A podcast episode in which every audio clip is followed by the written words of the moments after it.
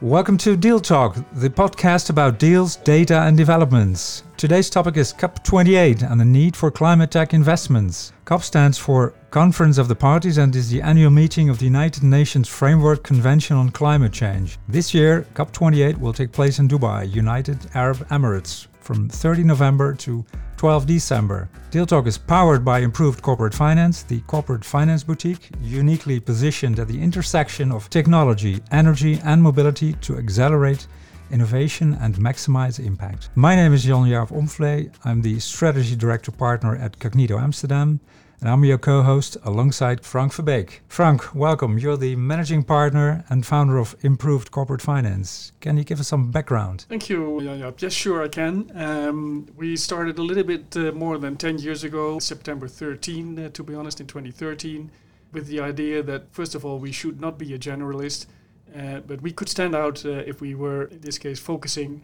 on a few of these segments uh, that uh, really show relevant innovation and for us, it was important to, to support entrepreneurial teams in uh, creating the optimum impact with their technology and innovation. Uh, and of course, in this case, especially around uh, climate tech. So, around uh, 30 people, offices in Amsterdam, London, and uh, San Diego. I'm very, very proud to have a team of uh, associate partners, sector experts that help us and our clients to get the best results possible. Excellent. Thanks, Frank. Thanks for being a co host. Today's special guest is, first of all, Cassie Bowe. Cassie, you're a partner at Energy Impact Partners. Can you please give a brief update about yourself? Sure, and thanks so much for having me. So, I'm Cassie Bowe. I'm a partner on the investment team at Energy Impact Partners.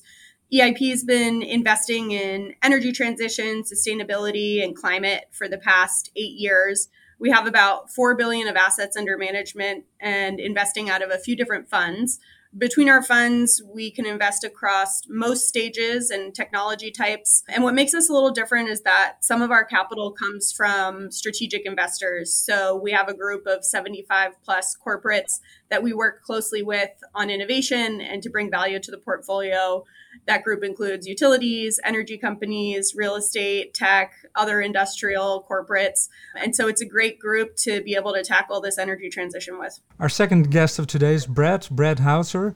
So, Brad is a pioneer of EV charging and currently chairman of the board at Voltera. He's leading the company through strategic investments, market expansion, and scaling new products and services with some of the largest utilities, municipalities, cities, and automakers. Hauser spent more than 25 years in strategic and financial planning, product management, and business development roles, and he was responsible for restructuring various multi million dollar transactions in telematics, mobile resource management telecoms, and natural resources. Thank you for that great introduction. It's uh, good to be with you all today. Good to have you, uh, Cassie, Brad, and Frank. Let's dive right in.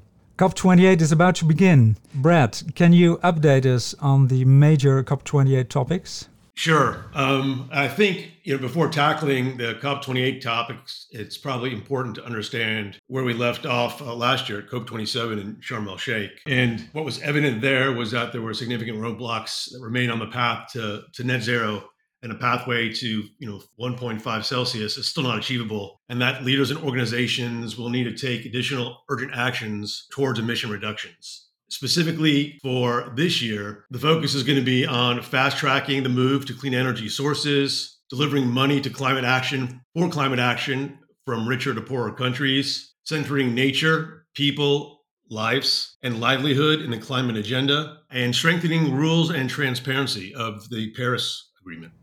Yeah. So at COP28, governments will signal their intent to move away from fossil fuels and usher in an area of affordable, reliable, and sustainable energy for all. Therefore, the need to significantly accelerate investment in renewable energy and climate tech, hence the investment and innovation in alternative solutions. From your point of view, why is COP28 important? Well, I think it's important because it's the conclusion of the first global stock take I don't know if we want to go too deep into the weeds on what a stock take is, but every five years, they will take two years to produce what I would call an interim report card. And COP28 is the first time we're going to have one of these to present. And I won't bury the lead. The, uh, the news coming out of this report is that the world is not on track to limit the global temperature rise to 1.5 degrees Celsius which, as we know, is the threshold to avoid most of the catastrophic impacts of climate change. So, uh, COP28 uh, is a critical opportunity to accelerate the transition to this net zero and resilient future.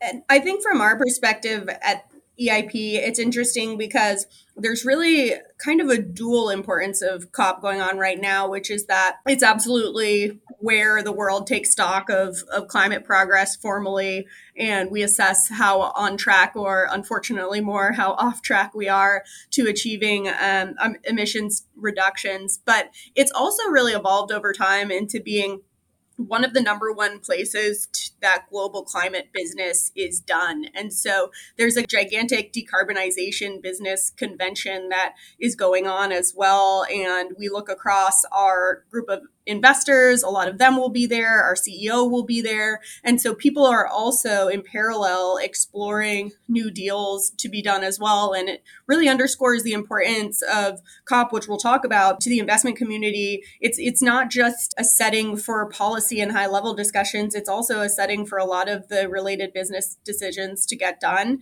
And so we'll be on the lookout as well for a lot of deal activity coming out of COP too. Yeah, I think uh, Cassie, Brett, uh, completely agree. Uh, the only other thing that I think is important is, uh, first of all, agenda setting, because uh, you definitely need this topic to be on top of the agendas. Uh, well, I think every year again, it's multidisciplinary. so you're right. it's investors policy making. it's about innovation. There are a lot of subjects. But my question would also be do you think it's necessary to keep the most relevant and decision making parties on track? Because we see a lot of politicians, of course, suddenly taking, uh, well, let's say not another direction, but at least uh, indeed uh, off track. Absolutely. The key here is is transparency and accountability. You know, one of the things I think we'll be looking for at this year's conference are specific, tangible, meaningful goals a commitment is one thing, but if it's too broad based and it's not measurable or actionable, it doesn't get us where we need to be. Um, and so I think it's important in order to be able to hold people accountable, we have to know exactly what the specific measures they are going to undertake to get us uh, where we need to be. I totally agree. I think that it is an important point of accountability. When you think about global climate policy, it really is game theory. And if you don't have everyone in the room together building trust that they're all going to act, um, then we will see folks stray from what they've committed. And so having this regular touch point where everyone builds that trust, where everyone is held accountable, is critical because otherwise the incentives could be to, to drift away from the commitments that countries have made. Yep. And by the way, they still can if we look at uh, the prime minister in the UK. just to give one example. I like the uh, the phrase where you mentioned transparency and accountability, uh, Brett. Looking at the publication of the International Energy Agency, highlighting how much investment is needed per year in order to reach net zero, the question is: Where are we performing well, and in what areas do we need a significant push?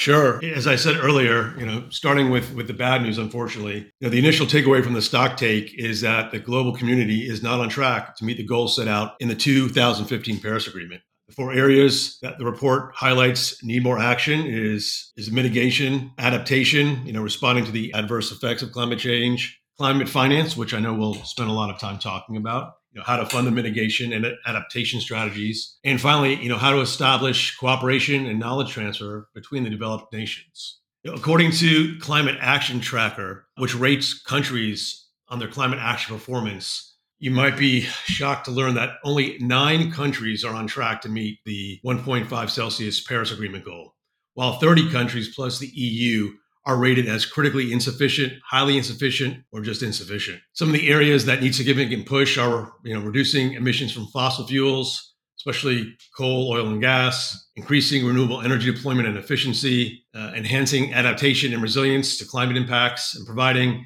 adequate and predictable climate finance to developing countries. So there's a lot of work that needs to get done. I mean, of course, amid such bad news, there are several bright spots to underscore the possibility of rapid change one of those, of course, which is near and dear to my heart, is share of electric vehicles and passenger car sales. It has grown exponentially at an average annual rate of 65%, which is you know, up from 1.6% of sales in 2018 to 10% of sales in, in 2022. And you know, this is the first time when you think about some of the macro themes and indicators we need to hit by 2030. This one is actually on track for us to hit in 2030.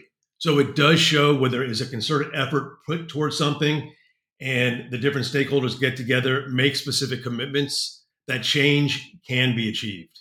Is there anything, Cassie and, uh, and Brett, where Europe can learn the US something and maybe also the other way around? Because uh, if we do have, let's say, uh, Asia, Europe, and the US, and especially, of course, on collaboration, what is the most important thing that you uh, believe that can be transferred between the continents? Yeah, I think from our perspective, we have a European fund, we have a North America focused fund. So we have an interesting perspective of companies that are in Europe trying to come to the US, um, US companies that are trying to move to Europe, and then companies that are in each geography but are learning from each other.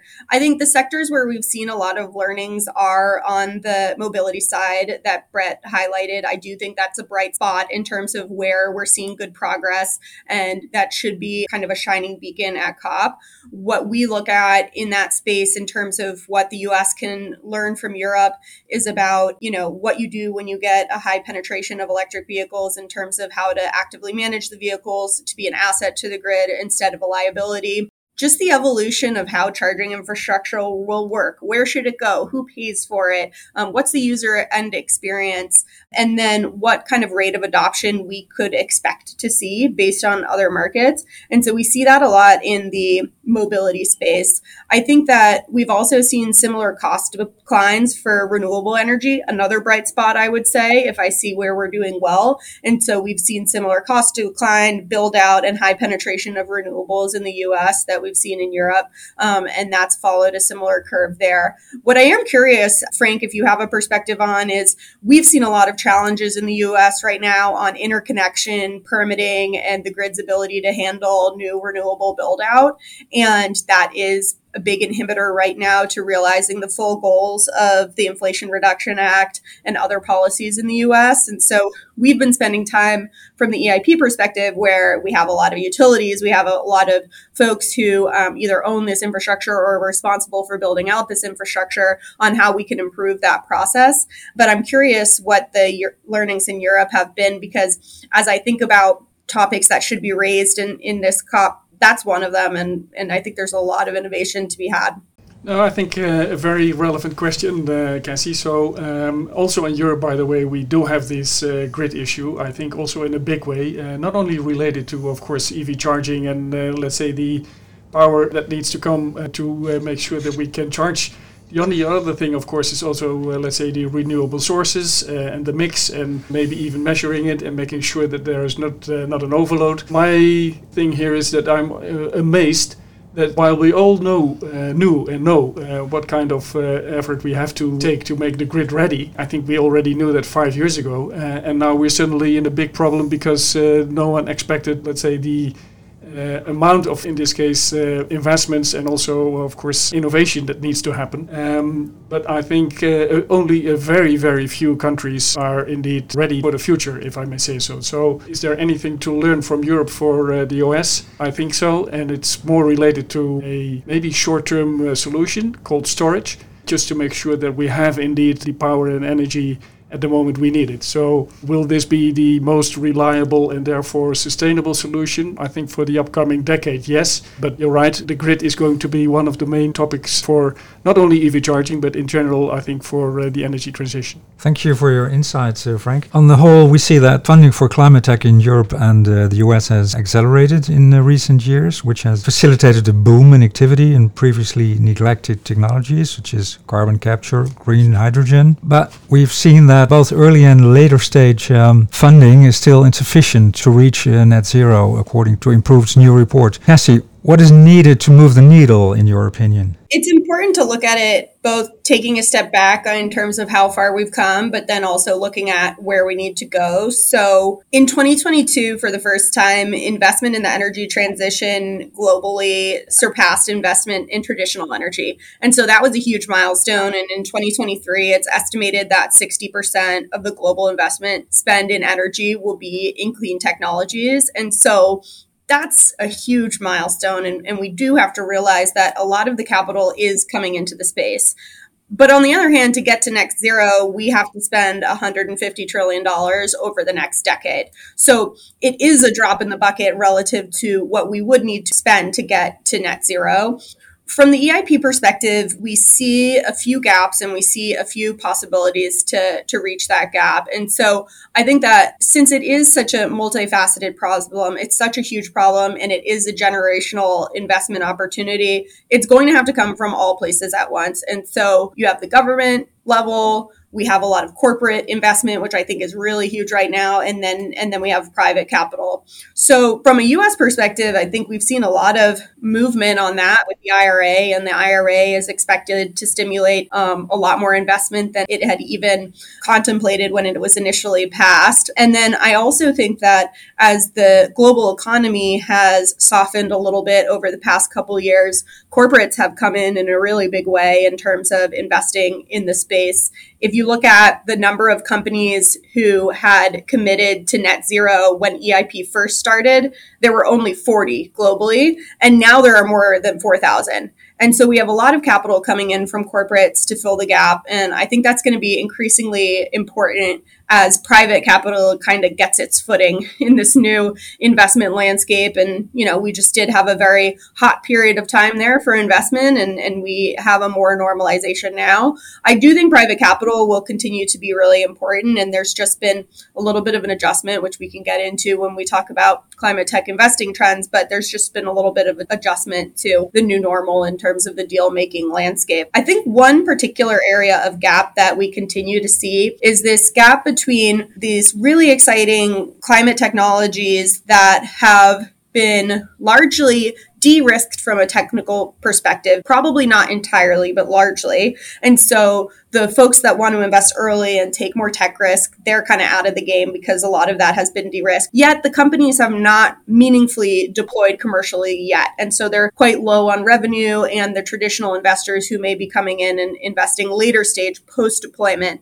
also aren't coming in yet. And so we are seeing a gap in those technologies where there is a lot of capex required and we're going to need to see a lot of capital coming in, but we haven't seen as many players willing to invest there. And I think that is where the corporates and the government are going to have to fill the gap. Yeah, I would like to add to that. Thank you, Cassie. I think it's a good overview. We definitely now also see, well, call it the traditional oil and gas suddenly uh, investing less or maybe even divesting, uh, which is, I think, a strange trend to see. And the other thing is, during our uh, 10 year anniversary event, we heard the term patient capital what do you think patient capital can mean for uh, energy transition? I think we're seeing it in a few ways, and I'd be curious for Brett's perspective as well from an infrastructure standpoint. But one of the things that we're seeing on the venture fund side is that funds that are investing earlier in technology life cycles are approaching um, investment with a longer fund life.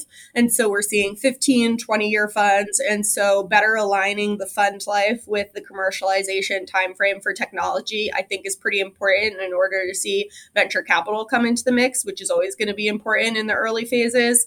Um, I do think in the US, we're seeing a lot of support um, from government in the form of grants and loans. And that is, you know, it can be more patient capital or it can allow more patient capital to come in by offsetting the quantum of capital that needs to be raised. And then again, I do think that corporates, you know, they're setting net zero goals in decades ahead timeframe. And so when we are talking to a lot of our corporates, they're planning for, okay, we think we can get to 80%, but what's the last 20% in 2050 that we need to do? And so I think that the world's largest corporates, they are patient capital. They they're planning decades ahead and they can be a good source there. Yeah, Cassie, I would I would agree with that. I mean, talking about this gap, let me take half a step back.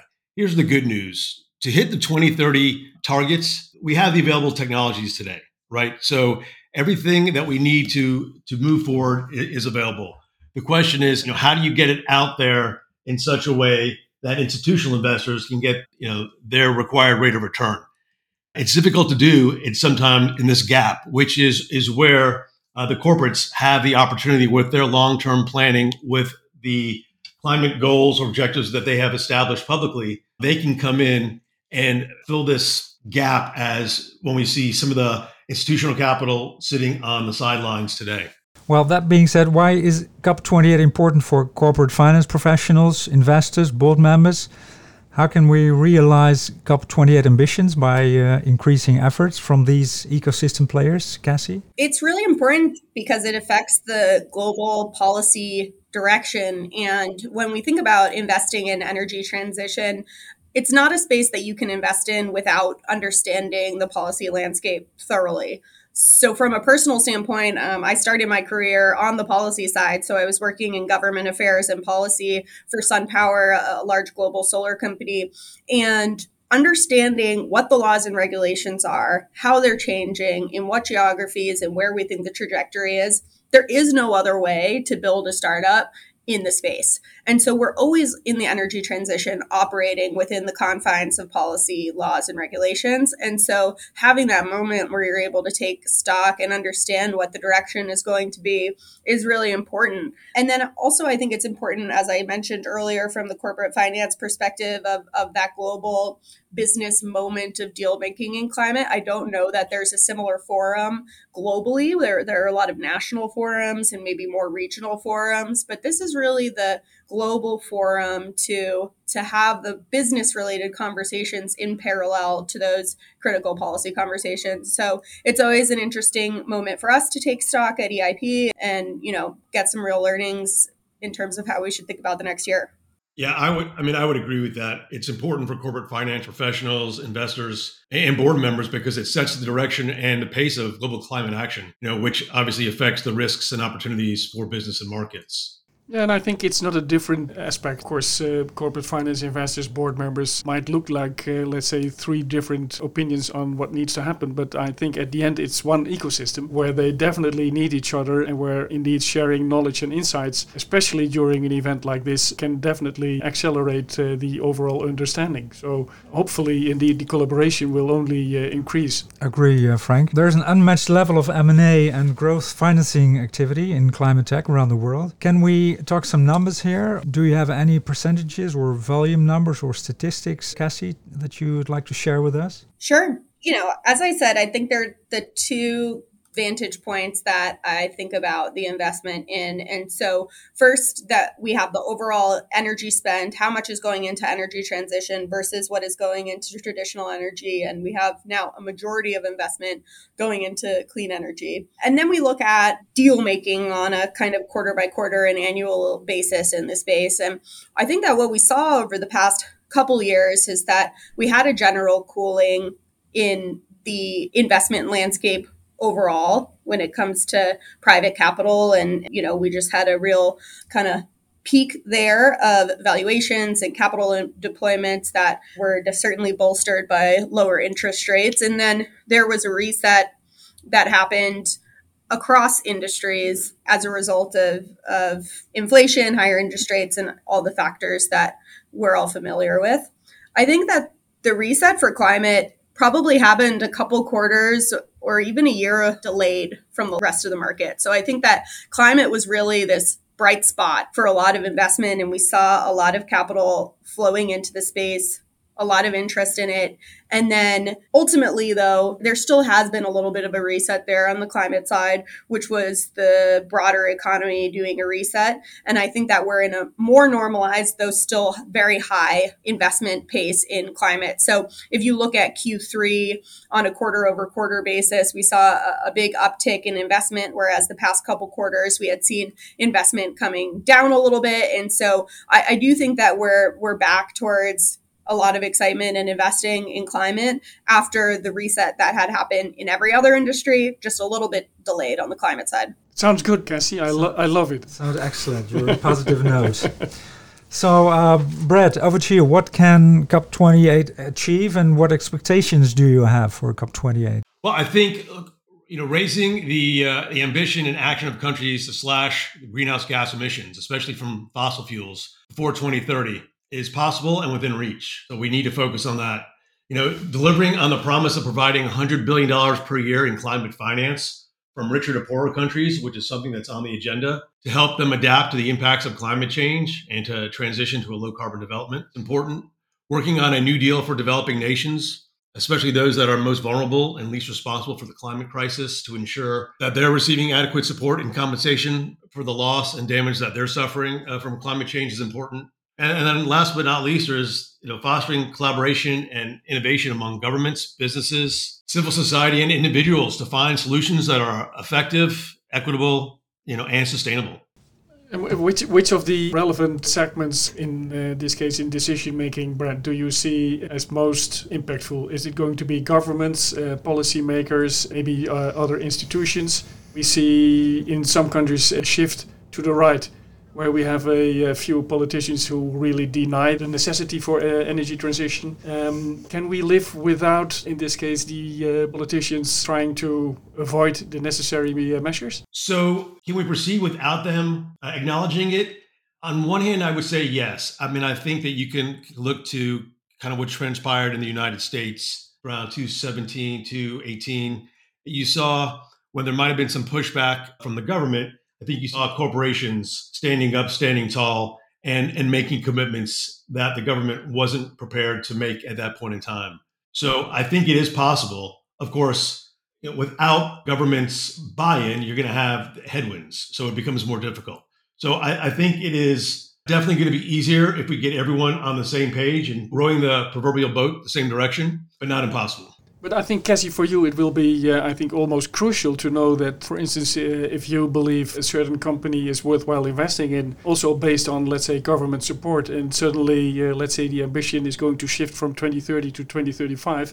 What, what kind of impact does it have for you as an investor? Yeah, it's a great question. It really depends on a lot of factors. So, if something's pushed back by five years, it, it doesn't necessarily mean one answer one way or another, but it's an important signal for us. And so I think that when we look at the types of decisions that are made at COP, there's really a period of time for investors like us who are investing much earlier stage to take stock of that, do our own analysis. You know, we've got 100 people at EIP and a team of 20 researchers who help us do that. But to figure out, okay, that was the high level guidance. Now, how do we get that down to the weeds in terms of what this would mean for underwriting the next three years of revenue for a business, given that our investment time frame, you know, may not be on the 2050 time frame, but a little more near term than that. So there's a lot of analysis to be done if anything changes, but certainly having consistency is very important for us and, and that makes it easier for us to invest within our investment horizon. Yeah, the strange thing is that for us, certainly elections became uh, part of the overall timing. Uh, also, of course, uh, advising uh, investors or shareholders or board members on uh, what the best way forward should be, because yeah, the outcome, of course, more unsure than ever. So, uh, Brad, as a board member, do you already experience that? Let's say the reliability of government support versus, let's say, possible elections coming up.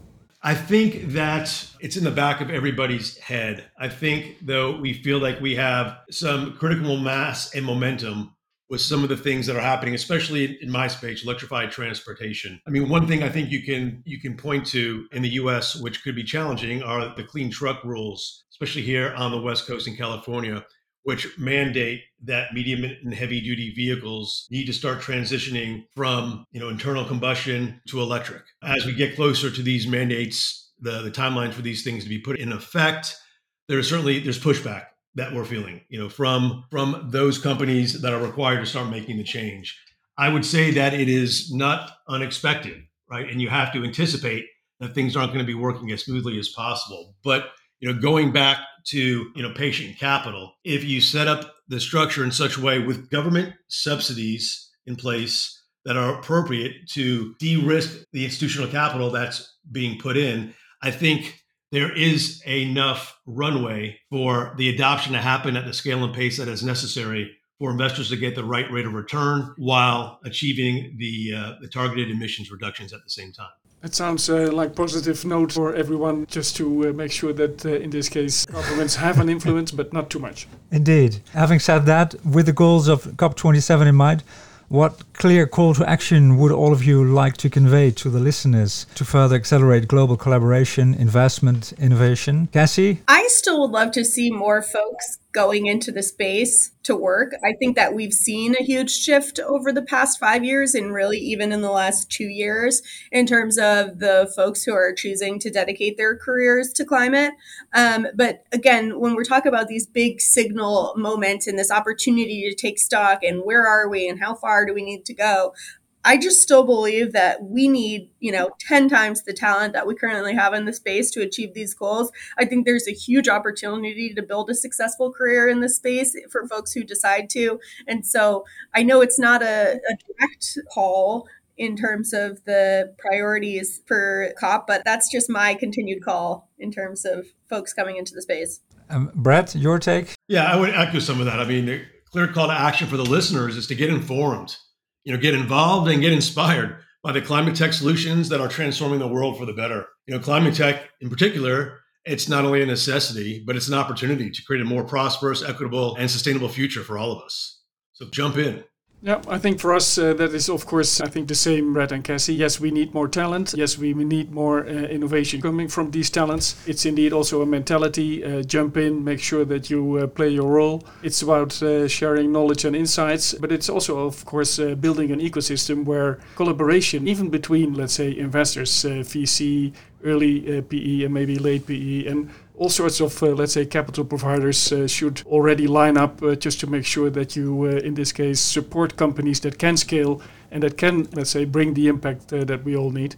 So for us, uh, I think with Cassie as one of the leading investors, Brett as the highly respected board member, and a lot of knowledge and expertise and the well call it humble role that we can play as improved. Uh, it's all about collaboration. Well said. So COP28 is about getting informed, getting inspired, and jumping in. Thank you very much. Thank you, Cassie, Brett, and Frank for joining us. This was Deal Talk. Thank you very much. Thank, Thank you. you. You've been listening to Deal Talk, the podcast about deals, data, and developments. For more about the latest news in deal making, follow Deal Talk on LinkedIn. Be sure to subscribe to Deal Talk on Spotify, Apple, or your favorite podcasting platform so you never miss an episode. Deal Talk is powered by Improved Corporate Finance and produced by Cognito Amsterdam. And for the latest deal making news and market developments in technology, energy, and mobility, make sure to subscribe to Improved's newsletter and follow the firm on LinkedIn.